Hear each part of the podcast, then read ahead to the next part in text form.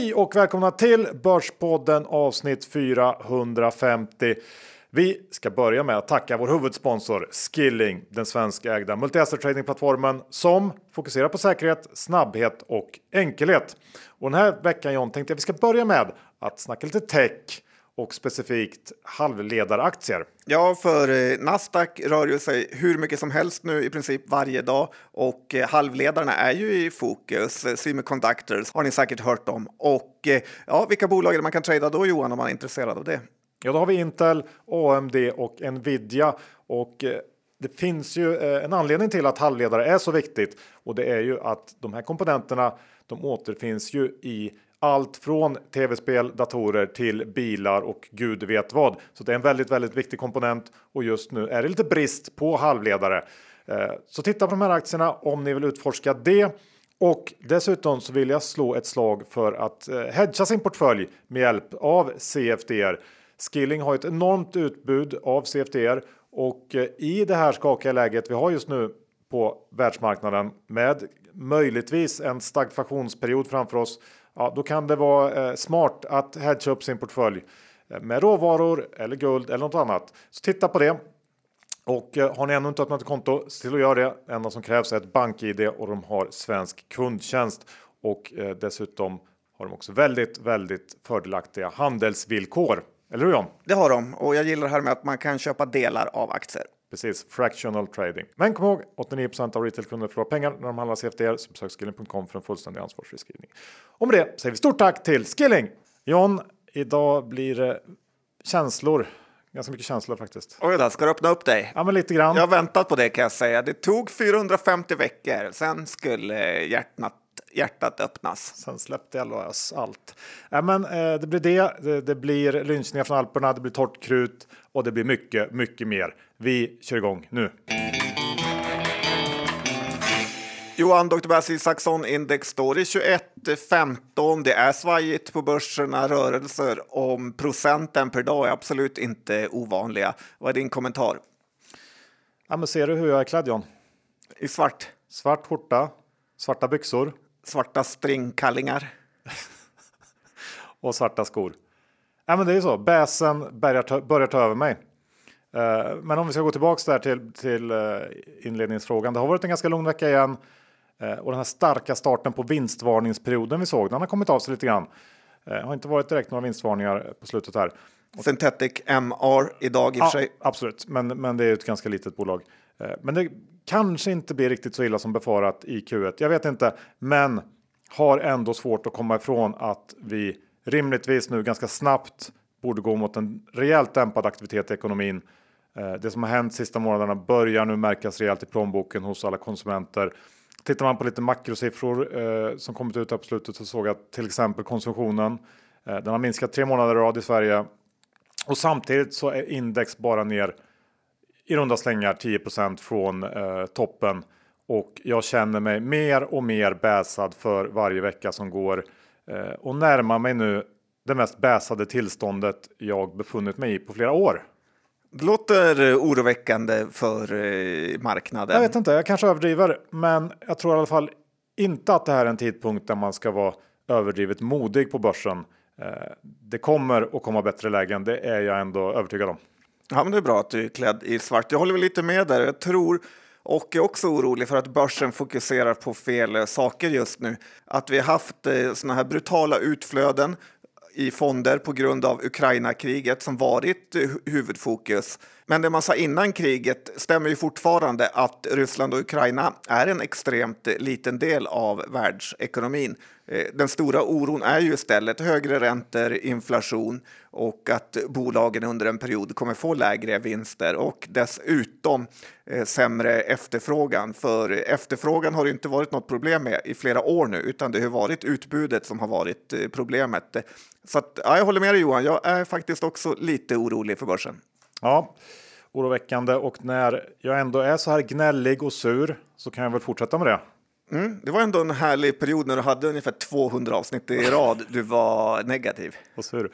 Ja, kanske blir en sån period igen. Vi får se. Eh, nej, det jag tänkte gå in på nu är ju att EBM och FI helt tappat greppet. Varje vecka så är det ett nytt bolag som är ute och masserar analytiker med stora kursfall som följd. Och vi har pratat om det här i flera avsnitt nu sista tiden. Och förra veckan så var det Sinch som rasade efter en sänkt rekommendation från Handelsbanken som hade kommit på att prisförhandlingsstyrkan varit svag under kvartalet och att rörelsekostnaderna hade ökat. Eh, Handelsbanken hade pratat med bolaget men sa att eh, det inte förekommit någon massage. Jag kan ändå inte låta bli att tycka att det är lite konstigt att man sänker eh, vinstestimaten kraftigt utan någon som helst ny information. Men oavsett vad som har hänt i just det här fallet så är det här ett problem som bara blivit värre och värre under de sista åren. Och antagligen beror det mycket på att det från myndighetshåll inte tas på allvar överhuvudtaget. Men det är klart, Erik Thedéen, han har ju fullt upp med att bekämpa något slags jättekonstigt personligt krig mot krypto. Trots att hans och FIs uppdrag är att bidra till ett stabilt finansiellt system som präglas av högt förtroende. Och det här med förtroende John.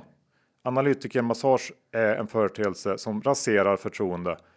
Och istället för att sabotera för den svenska kryptoindustrin så borde han ta tag i de här vilda västern fasonerna som vi ser kring analytikermassage som eh, alltså blir värre och värre för varje rapportperiod som går. Ja, lite får man väl, om man ska försvara analytikerna så är det ju deras uppgift att faktiskt analysera inte? bolag och eh, tolka vad bolagen säger. Så att, eh, Absolut, det är, inte analytikernas, är... det är inte analytikerna jag, jag eh, är arg på här, utan det är eh, framförallt Erik Thedéen, han har jag jättearg på, och eh, bolagen såklart. Mm, sen tror jag också att den enorma robothandeln har också gjort att eh, sänkta och höjda rekommendationer får större genomslag än de kanske tidigare fick. Ja, så är det säkert. Men det här är någonting som jag tycker ändå att man ska titta mer på istället för enpetare och annan eh, skit som inte spelar någon som helst roll för förtroendet. Vi är inne i eh, årsredovisningsperioden nu också. Ja, de flesta bolagen har kommit ut med sina årsredovisningar och eh, jag tycker man ska faktiskt slå ett slag att man faktiskt läser de här vd-orden i årsredovisningarna i de bolagen man är intresserad eh, av. Visst, det är fullt med klyschor, men det finns eh, faktiskt också godbitar att snappa upp som en liten sån här mellanguidning om vad vdn tror om kommande året. Eh, så ofta får man lite extra information där eh, om man jämför med Q4 eh, eftersom det gått lite längre tid. Man kan ju skippa de här delarna om hur Britta, 58, berättar hur mycket hon älskar att jobba för just det här företaget och att efter 32 år är varje dag inte lik den andra. Eller att Ibrahim, 22, från Kongo-Kinshasa tackar för chansen han just eh, fått i det här bolaget. Men i vd-ordet kan man lägga lite tid på tycker jag. Eller eh, hållbarhetsredovisningen. Ja, men den brukar ju vara egen nu för att ESG-härvan har liksom eh, fullständigt blommat ut. Ett par hundra sidor måste alla bolag prestera. Ja, om hur de byter ut toalettpapper till, ja, jag vet inte vad. Ja, jag hoppas det är också papper av något slag. Ja. Eh, Dusch. Du har varit i Alperna och eh, lämnat mig helt ensam en vecka här. Fick ratta bolaget helt på egen hand. Ja, faktiskt. Men det känns ju lite som att eh, eh de gångerna du har varit i Marbella så ägnar vi halva avsnittet till olika lynchningar där. Men när jag har varit någonstans är det ingen som bryr sig. Så att, eh, jag tänkte faktiskt eh, roffa åt mig lite tid där om det är okej. Okay. okay. Om du inte klämmer bort det Johan. Ja, men vill du höra några små spaningar ändå? Hemskt gärna. Eh, och det ena är ju att Scania är ju sånt massivt eh, märke och det känns som att var femte lastbil man möter är en Scania och man mår lite dåligt att de är under ett så dåligt paraply som Traton och värderas så lågt eh, nu när de är sammanslagna med MAN och andra skräpdelar. Scania hade varit sånt fantastiskt börsbolag att ha kvar här på Stockholmsbörsen och man blir lite ledsen att de har försvunnit från Sverige, även om fabrikerna finns kvar i Södertälje. Ja, absolut. Det, jag håller med. Och sen har vi Alpernas enormhet och även billighet. Skistar kommer få det tufft framöver när man vet eh, hur köerna ser ut på loven. Liftkorten i Alperna är billigare, boendet är billigare och maten är enormt mycket bättre eh, än billiga frysburgare stekt av någon 17-åring som kostar 195 spänn eller en öl för 115. Det är inte så billigt i de svenska fjällen. Nej, Skistar har ju verkligen lyckats kräma ut varenda krona ur våra små fjälltoppar. Ja, och sen är det ju det sista är ju flygbolagens eh, uselhet. Eh, jag var ju i Paris nyligen med SAS och chockerades då över att man fick flyga ett MD-80 plan eh, med besättning från Balkan Eh, och ni som inte känner till MD-80-planen så är de här med motorerna där bak som är så fallfärdiga så att man är rädd hela resan. Eh, Lufthansa har ju visserligen bättre flygplan, men deras app och hantering av ett par sidor är ju helt otroligt usel. Lufthansa eh, såg jag över 5 000 ägare på Avanza och SAS har helt sinnessjuka 92 000 ägare.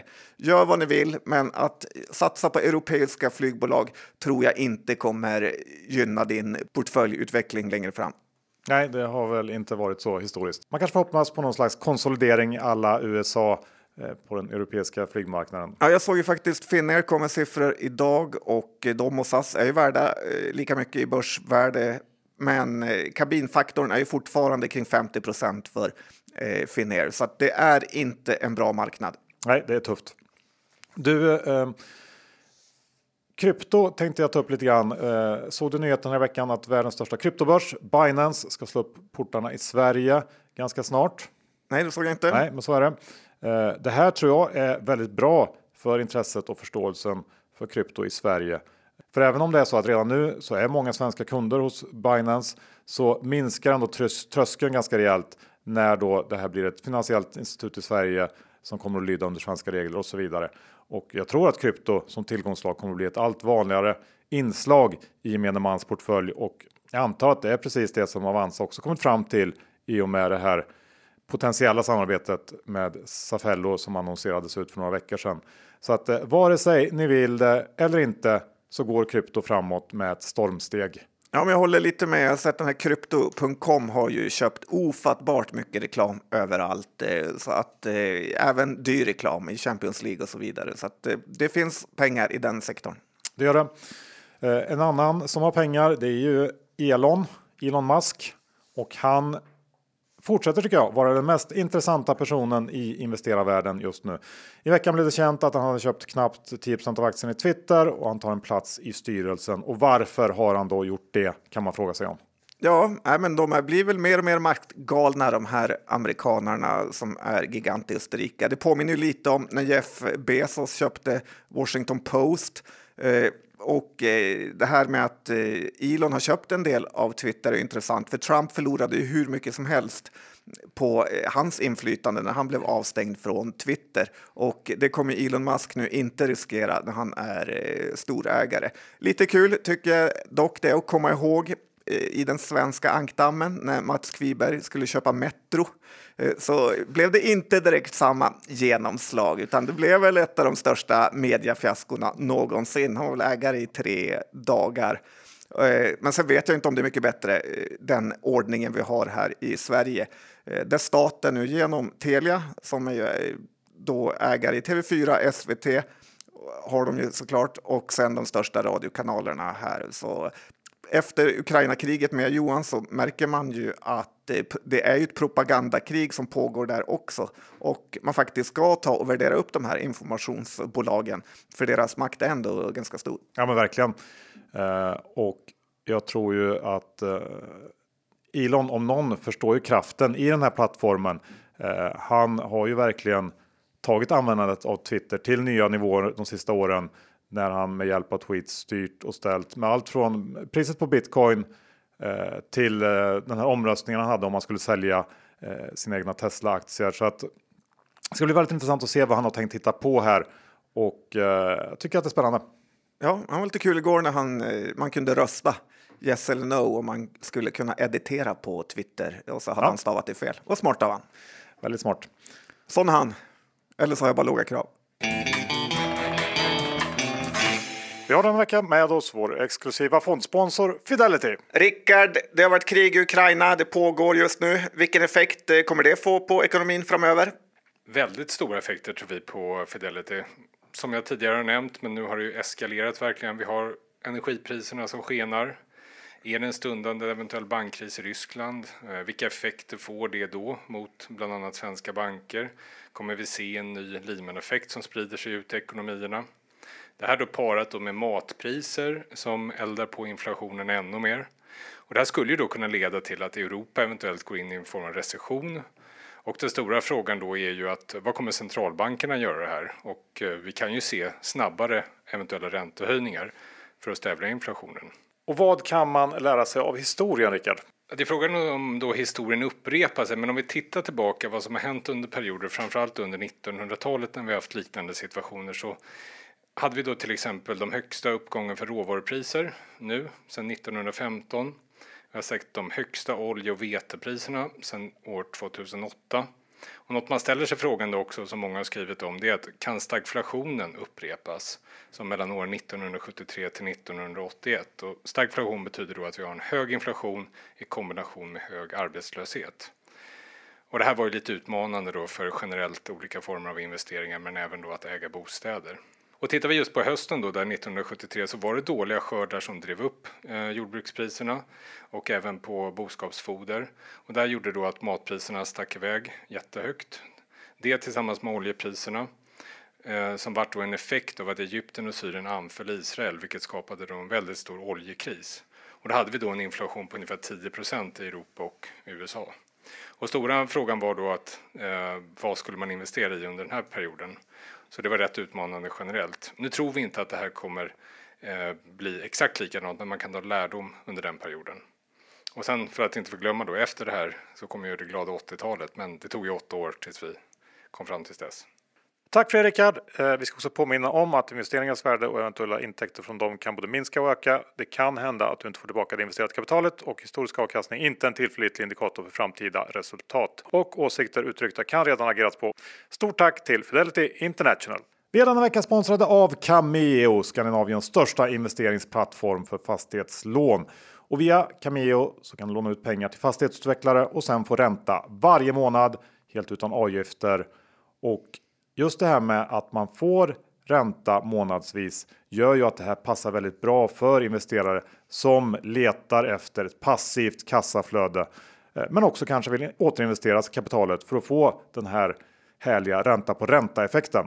Ja, för att räntan är dessutom ganska hög. Den är ju kring 9% i snitt eh, på de tidigare investeringarna och eh, ja, jag älskar ju verkligen att man får utdelningen eller räntan då varje månad. Ja, Sen så eh, tror jag inte så många tänker på det här, men man sprider ju också risken genom att ha ett inslag av fastighetslån i sin portfölj eh, och då kan få den här avkastningen utanför börsen som eh, inte korrelerar med eh, börskurserna som går upp och ner. Eh, dessutom så har ju också, eh, om vi ska jämföra med aktier, Cameos alla fastighetslån en underliggande säkerhet, till exempel då pant i fastighet. Vi har en investering i ett projekt i Ronneby. Där eh, tickar det på månad efter månad. Ränta kommer in och eh, jag gillar den här känslan att eh, det bara tickar på så att säga. Så att om ni tycker att det låter intressant, gå in på cameo.se och läs mer om hur enkelt man kommer igång och investerar i fastighetslån. Cameo.se. Vi säger stort tack till Cameo!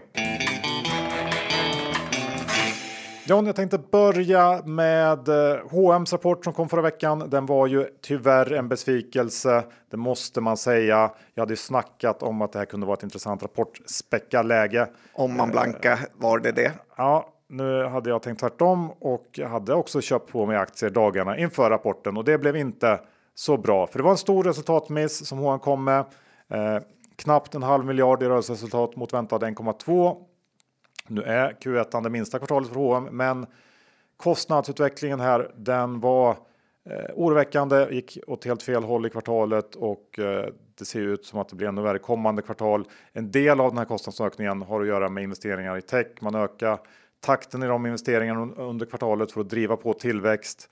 Eh, och det gav väl inte riktigt det kanske resultat som man hade hoppats på. Och kanske hade man kunnat komma undan med ett svagt resultat om Försäljningssiffran för mars eh, som de också lämnar samtidigt hade varit riktigt stark. Nu blev det tvärtom. Mars kom in en bra bit under förväntningarna och under konfkålet tog H&M upp att Kina gick väldigt starkt under mars förra året och att butiksstängningarna ökade markant under april förra året, det vill säga jämförelsetalen blir enklare från och med april och framåt. Men det räcker ju inte riktigt för att man ska bli övertygad och i det stora hela så fanns det egentligen inte några ljuspunkter i Q1. Det enda eh, jag kan komma på var väl egentligen att de hade ett eh, föredömligt kort försnack på telekonfan. Några minuter, sen direkt på Q&A och det gillar vi. Ja, väldigt bra. Ja, men eh, lite synd att det var det enda som var bra. Efter rapporten så är estimaten ner runt 10% Aktien är ner ungefär lika mycket och jag tycker att det är en ganska rättvis reaktion ändå. Helt klart en felsatsning från mig. Nu blev man lite räddad här av pappa Perssons enorma insiderköp eh, sista dagarna. Eh, jag har lite aktier kvar ska jag säga, men de ska ut. Ja, men det är svårt att bygga en portfölj kring korta conf calls eh, kan jag tycka.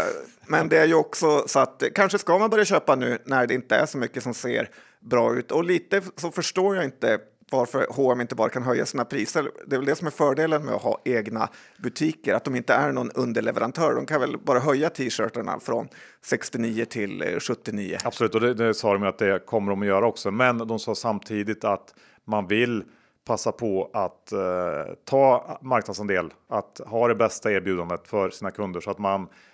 Man sa också att man då med andra ord väljer att eh, tappa lite marginal för att eh, vara billigast. Jag har aldrig förstått det här med elda för kråkorna, men eh, så fick jag inget toppjobb heller. Nej, det fick du inte.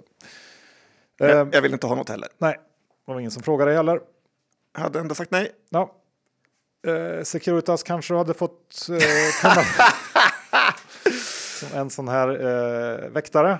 Ja, det har jag kanske möjlighet att få. Nej, men så här, många bolag har ju studsat tillbaka av den här uppgången vi haft eh, sen eh, Eh, Ukraina-botten eller vad man kallar den. Eh, men inte Securitas. Och eh, jag vill påpeka igen i Johns aktieskola hur dåligt det är att äga aktier innan emissionsvillkoren kommit ut.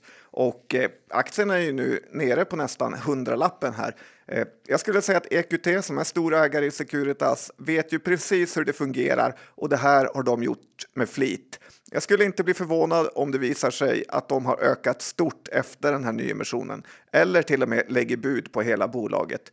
För nu har ju Securitas gjort allt som EQT hade gjort om det bara var EQT ägt, det vill säga stora aggressiva förvärv eh, för att växa men nu är ju uppsidan för EQT att aktien är mycket, mycket billigare än när de gick in först. Eh, fast eh, de köpte ju bara några procent av bolaget och ändå kunnat ratta det eh, precis som de velat. Eh, dessutom så ska ju Securitas nu helt obegripligt betala utdelning trots att man ska göra nyemission.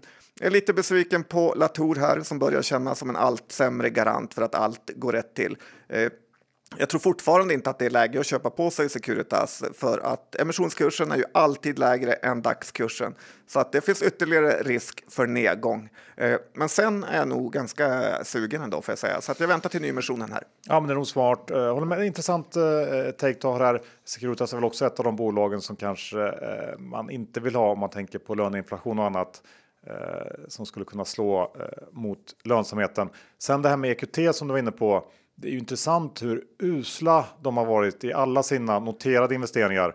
Eh, det kanske inte är så enkelt när man ger sig ut på den noterade marknaden eh, jämfört med när man sitter med eh, onoterade innehav där man själv bestämmer lite grann vad det ska värderas till och man kan sälja till olika interna fonder hit och dit och få upp värdet. Jag vet inte. Jag tycker att eh, deras agerande på börsen det eh, imponerar inte. Verkligen inte. De är nog bättre på att göra powerpoint-presentationer än på att eh, sköta bolag. BIM är ju en ofattbar flopp eh, där de är storägare. Och Storytel blev ju inte heller så bra. Nej, inte så bra. Nej. Och när vi ändå pratar om saker som inte blev så bra, då tänker jag på Research och deras eh, CFO rekrytering. Research har ju ändå varit igång lite grann på slutet får man säga. En hoppingivande Q4 kom de med. Aktien såg ut att ha bottnat, men då går man då ut här igår med nyheten om att eh, den nya CFOn kickas efter bara fem månader på posten. Enligt vd Johan Löv så handlar det om samarbetssvårigheter och att det är personliga skäl som ligger bakom. Börsen handlar ner aktien ganska mycket på det här. 12 eh, eller sånt, 11, 12, 13, jag vet inte. Eh, och tyvärr är det lite så här, det är i research. Eh, jag tror inte att det behöver dölja sig något mer egentligen bakom det här, men det är ändå en varningsflagga och det är typiskt research att en sån här grej händer. Det jag är lite orolig för är väl om Löv verkligen kommer att leverera på eh, den här kostnadsbesparingssidan. Eh, de har ju lovat att kostnaderna ska, eh, man ska ta tag i det nu och han är inte känd för att hålla i kostnaderna.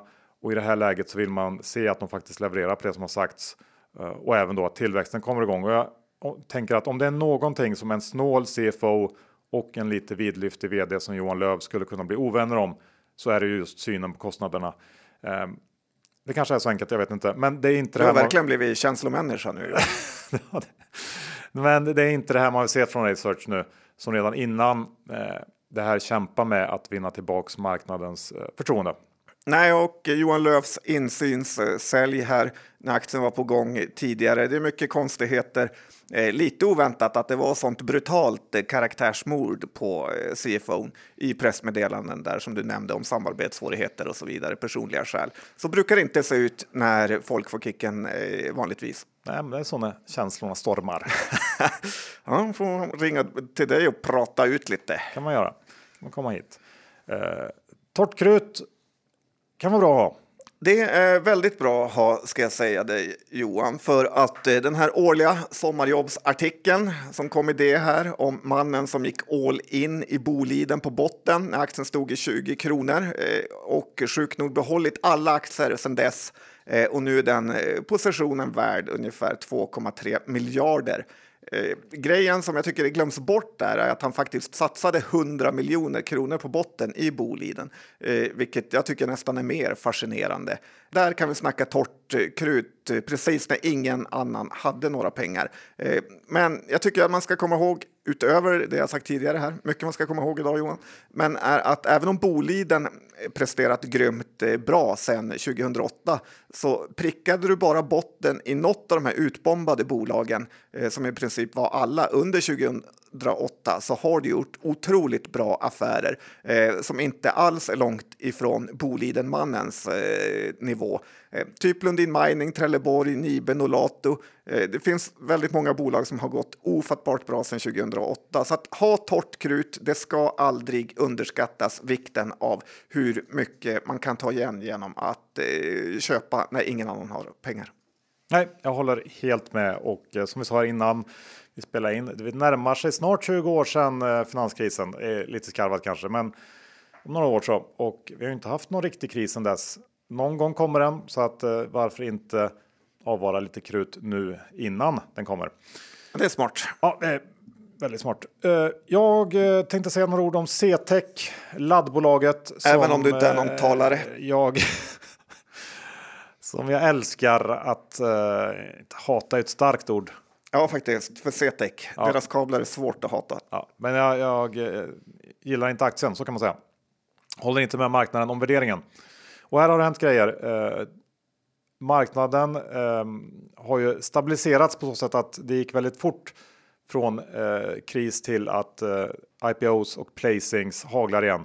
Och eh, Altor var inte snabba och Altor var inte sena med att upptäcka det och har vräkt ut CTEC aktier i en stor placing. Och jag förstår dem.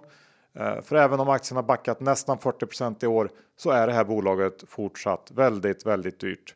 Eh, Dessutom såg jag att norska konkurrenten Zaptec eh, i veckan gick ut och meddelade att eh, deras största leverantör av laddare kommer att stänga produktionen under hela april på grund av komponentbrist. Nu kanske inte CTEC drabbas av det här, men risken finns väl helt klart att man drabbas av störningar och jag tror att Altor gjorde helt rätt i sin uträkning här i CTEC. Eh, Jag tror att det blir ännu billigare. Ja, Eller, det, mindre, eller vad ska man säga, inte billigare. Det blir, kommer bli mindre dyrt. Ja, framöver. det finns inget att tillägga där. Och man ska nog inte bottenfiska på de närmsta 10, 20, 30 kronorna. Bra, då har vi bestämt det och eh, vill höra lite om Chamaran. Det var, eh, undrar om vi någonsin har pratat om Chamaran i podden. Det lilla oljebolaget. Nej, men det kanske är bra att vi inte har gjort det. Jag tyckte det visade igår hur lustig finansvärlden kan vara. För i slutet av februari så var ju Lukas Lundin ute i det och eh, som du skulle sagt Johan, våldshåsade Shamaran och sa att ett sammangående eller storaffär var nära för Shamaran och aktien gick upp massor på det flera dagar i rad. Eh, för att istället igår så gjorde man en riktad nyemission. Jag tycker man ska lära sig att lita mindre än 0% på vad näringslivstopparna säger till media, utan snarare tänka att de använder media som någon typ av pumpstation. Gardell har väl massor av gånger varit ute och håsat Ericsson och sen storsålt aktier. Eh, så att alla ni som på Twitter skriver att era tips inte ska ses som rekommendationer. Jag tycker ni nog kan sluta med det eh, när de här största aktörerna konstant gör tvärtom mot vad de säger utan att bry sig det minsta. Ja, jag håller med helt enkelt. Eh, sen eh, fortsätter turerna i Saniona. Ja, det börjar ju reta upp eh, folk det här mer och mer. Det var lite kul i Affärsvärldens golvet här så läste jag om hur eh, vansinnes mycket pengar som eh, Saniona lagt på att notera sig i USA eller försöka notera sig där. Och eh, kollar man i deras årsredovisning så tjänade ju bolagets vd förra året eh, 13 miljoner kronor. Saniona har alltså ett börsvärde nu på cirka 100 miljoner kronor och att vdn har den här lönen eh, är ju ofattbart. Eh, och då ska man lägga till att bolaget bränner ju 125 miljoner eh, bara senast i Q4 här, så att det är vansinnessaker som händer. Det intressanta med Saniona också är att det är egentligen ingenting som har hänt med bolagets läkemedelsportfölj, utan det här är ju ren och skär misskötsel som förintat bolaget. Dessutom börjar det nästan lukta lite bedrägeri med tanke på hur ledningen skott sig här. Och sen, man får heller aldrig glömma bort att de svenska AP-fonderna varit med i riktade emissioner här och även i högt upp i ägarlistorna. Så att det är många frågor man kan ställa här, men eh, det är nog nästan så att det börjar närma sig att AP-fonderna har varit eh, utsatta för ett litet bedrägeri de inte själva förstått. Många frågor, nästan inga svar. Nej, förutom att Saniona är skräp. Ja, det, det svaret tar vi med oss. Eh, jag tänkte gå över till Dustin som eh, rapporterar nu på morgonen och eh, tittar man på den rapporten så var, får man säga, den organiska tillväxten bra. Drygt 12% i kvartalet, det var bättre än väntat. Men lönsamheten en besvikelse. Bruttomarginalen var ner ordentligt. Dustin förklarar det med en temporärt försämrad försäljningsmix och vd pratar om att man är trygg i marginalresan framåt. Eh, mycket, mycket klyschor här. Ja, faktiskt. Och, Marginalresan, det är svårt att förlåta. Och ja, det är lite svårt att förlåta. Eh, rullande så gör Dustin ungefär 4 kronor per aktie i vinst. Aktien på 80 kronor. Jag tycker inte att det känns så där superlockande. Eh, Dustin har också en ganska stor nettoskuld efter köpet av det här Central Point och det här är ingenting som jag köper eh, här det jag tar med mig lite grann är ju det här med lönsamheten. Jag tycker att man ser det går igen i, i flera av vinstvarningarna också som har kommit in. Eh, jag tror att det kan bli ett lite tufft, en tuff rapportperiod just när det kommer till lönsamhet och eh, det är nog där vi kan se en hel del besvikelser. Mm, jag tycker i grund och botten inte att det är så farligt med att ha litet marginaltapp under de här tiderna. Viktigare att försäljningen eh, tuffar på. Dessutom mycket trevlig personal skulle jag säga på Dustin Sveavägen så att jag gillar Dustin. Ja. Och jag får inga pengar för det Johan. side, hoppas, hoppas side pocket. Ja, eh, bra. Och sen vill jag faktiskt höra vad som eh, pågår i Bonava. Ja, det tycker jag du ska faktiskt intressera dig lite för. För de betalade sin utdelning i måndags på 1,75. Men aktien har ju fullständigt havererat under det här Ukraina-kriget tack vare att man har en liten del av sin verksamhet i Sankt Petersburg faktiskt som de eh, nu stoppat. 10 procent av verksamheten är i Baltikum och eh, Sankt Petersburg, Tutti Balutti. Men aktien har tappat eh, ungefär 30 procent sedan sen nedgångarna började här utan att egentligen studsa något. Jag tycker att det är ett intressant köpläge för att på lite normaliserad intjäning så är Bonava nu riktigt billigt. Nordea trodde efter Q4 att Bonava skulle tjäna ungefär 10 spänn per aktie och eh, ja, nu kommer det säkert bli en hel del nedskrivningar i och med att man får lämna Ryssland. Men eh, bolaget står ju inte och faller med sin lilla del i Sankt Petersburg. Eh, och jag tycker också att det faktum att de betalade utdelningen nu och inte ställde in den visade på att man inte är alltför oroliga själva inom, internt i bolaget. Då. Eh, det är inte direkt Ferronordic det här. Eh, det sämsta Bonava tjänat sedan 2018 är 7 kronor per aktie. Så att eh, betala 56 kronor för Bonava-aktien nu har ju faktiskt potential att bli en bra affär. Och sen finns det ju, som du säkert kommer lägga till nu Johan, en massa annat att oroa sig för inom eh, bostadsbyggarsektorn. Men lägenheter eh, kommer det ändå alltid behövas. Det säger du? Ja, jag hoppas det. Ja, men visst. Men jag, jag tycker ändå att den här oron det var lite, du tog lite lätt på det. Stigande räntor, fallande bostadspriser kanske. Jag vet inte. Eh, du tog, sen 2018 sa du har de inte tjänat, men det har ju varit ganska bra år sedan 2018 ändå. Mm, du är verkligen man in black nu Johan. Hoppas du inte ska slå mig. Slut på det fantastiska avsnittet 450. Vi säger stort tack till vår huvudsponsor Skilling. Öppna ett konto om ni inte har gjort det. Man kan trada allt mellan himmel och jord och man gör det till marknadsledande villkor. Och det räcker med BankID för att öppna konto. Så är det. Men kom ihåg att 9 av retailkunder förlorar pengarna när man har CTR så besök skilling.com för en fullständig ansvarsfri om det är John så eh, har vi tackat Skilling och vi ska titta på om det är någonting av bolagen vi pratat om som är långa eller korta. Jag har fortfarande kvar lite H&M men de ska rensas ut ur min portfölj. Jag vill inte se dem där längre.